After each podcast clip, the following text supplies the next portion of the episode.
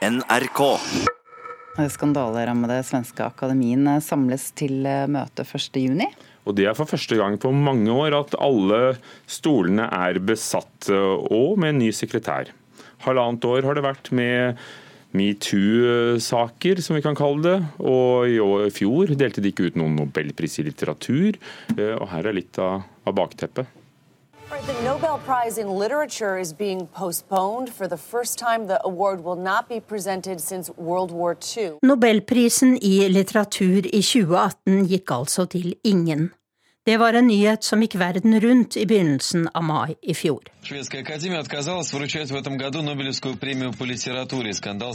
For første gang siden andre verdenskrig fikk ingen verdens viktigste litteraturpris fordi svenska akademien som deler den ut, valgte å utsette den et år. Vi skal tilbake til november 2017 for å finne årsaken til krisen. Da vitnet 18 kvinner i Dagens Nyheter om at de hadde vært utsatt for seksuell trakassering og overgrep. De fleste var anonyme, men dette er forfatteren Elise Karlsson, som snakket åpent i en reportasje i Sveriges Radio. Så kom han fram til meg og begynte å skjelle ut meg. Uh, da sa han at jeg aldri skulle få jobbe i denne staden igjen, at jeg var en psykopat, at jeg var syk og brent. Mannen hun og de andre 18 kvinnene snakket om, var Jean-Claude Arnault, gift med Katarina Frostenson, som var medlem av Svenska Akademien. Om man gjør noe imot ham, skal man vite at man, ja, man kommer få betale for det. Men koblingen, eller ekteskapet om du vil, mellom Jean-Claude Arnault og Katarina Frostenson skapte splid på flere måter.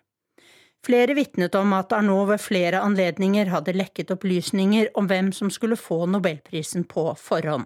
Den 20. april i 2018 bryter svenska akademien all kontakt med Arnault, som svenske medier bare kaller kulturprofilen, og overlater en intern gransking til svenske Økokrim. Her er daværende sekretær Sara Danius. Ved sitt sammanträde i kveld har Svenska Akademien enhellig fattet beslut att med omedelbar verkan avbryta all kontakt og all videre finansiering av all verksamhet som drivs av den person som i mediene går under beteckningen Kulturprofilen. To dager før har kongen endret reglene slik at medlemmene av Svenska Akademien ikke lenger sitter på livstid. Flere medlemmer forlater institusjonen. De gjenværende krangler. Rett før siste årsskifte blir Jean-Claude Arnault dømt til to og et halvt års fengsel for to voldtekter. Svenska Akademien sier i en uttalelse at det er bra at ofrene for overgrep har fått oppreisning. Og nå skal de altså starte med blanke ark. Åsa Lindborg er kulturredaktør i Aftonbladet. Hun er overbevist om at de kommer til å løse sine problemer, men det kommer til å ta tid. Jeg tror at de vet at om de ikke de ikke går videre nå, så er det kjørt for akademien. Men eh, det finnes ingenting som tyder på at de ikke skulle kunne fortsette arbeidet.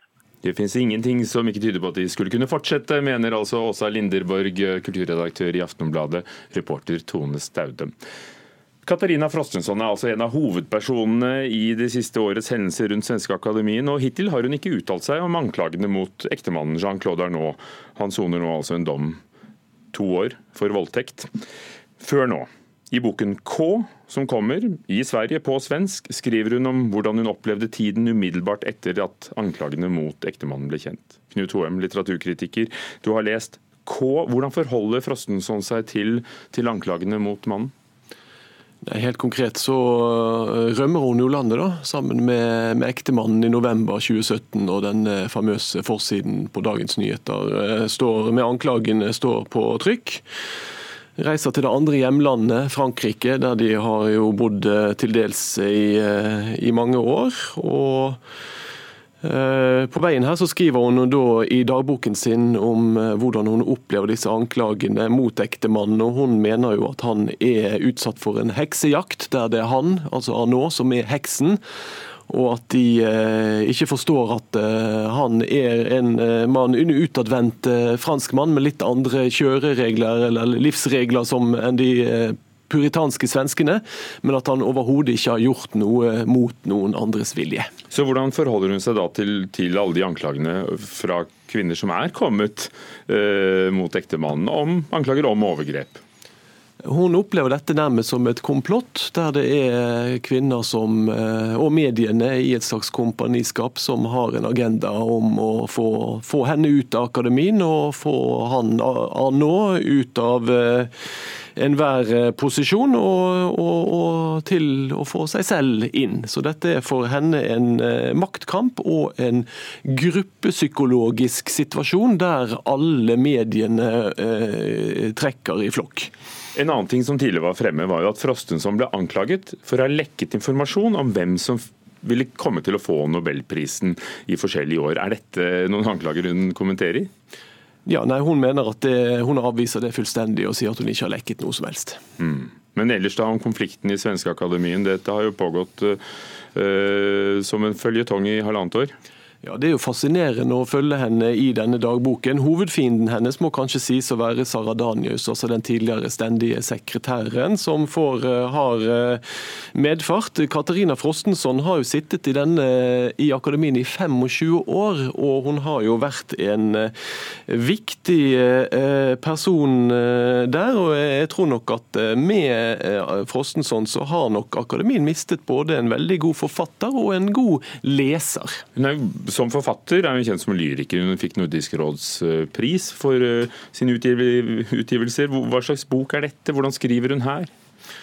Det er en veldig vakkert skrevet eh, bok. Hun uh, leser, uh, viser frem hvordan hun bruker kunst som terapi for å forstå hva det er som skjer med henne. Hvordan skal man forsvare seg når man er trengt opp i et hjørne, og hvem er det som egentlig er vennene dine når man står i en krise som dette. Denne K-en kan jo stå for krise, det kan stå for kaos, det kan stå for Kafkas Josef K. Katarina. Man, Katarina.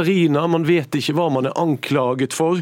Eh, så, eh, men det er klart at eh, disse 18 kvinnene som anklager mannen hennes for voldtekt og overgrep, og alle som har fulgt metoo-bevegelsen, vil vel føle at hun bagatelliserer det denne metoo-bevegelsen står for, og bagatelliserer det at kvinner føler seg blir, blir utsatt for menn som går over grenser. Knut Håheim, nå har du fortalt om denne i fire minutter eh, for norske lyttere. K av Katarina Frostenson ved Svenske Akademien. Den er på svensk av en svenske. Er den også for svensker?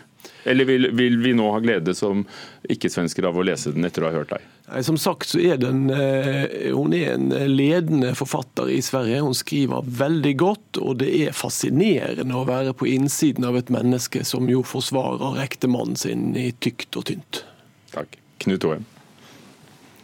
VGs dekning av Giske-videoen i februar i år og den interne granskningen etterpå har ført til at avisen nå innfører nye tiltak for å synliggjøre endringer i sakene sine for publikum. Det skriver Aftenposten i dag. Kulturreporter Petter Pettersen, eh, hvilke tiltak er det egentlig snakk om? Eh, avisen kommer i dag med en egen nettside eh, der alle rettelser skal synliggjøres for publikum, kalt eh, VG retter. I tillegg til at de skal legge sin informasjon om hvilke rettelser som er gjort i eh, de enkelte, enkelte sakene. Da.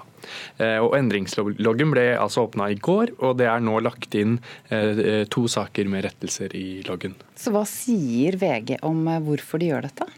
Det kommer som et, et følge av, av, den interne granskningen. Da sa de jo at de skulle komme med tiltak, og det her er første eh, tiltak. Og VGs eh, sjefsredaktør Gard Steiro sier til Aftenposten at de jobber med flere tiltak. Og Årsaken er at de ønsker å være transparente om hvilke rettelser som gjøres i avisen. Og Han sier videre at, eh, at feil skjer i mediene, også i VG, og mener det er viktig å være åpen om at det faktisk skjer. Takk, kulturreporter Petter Pettersen.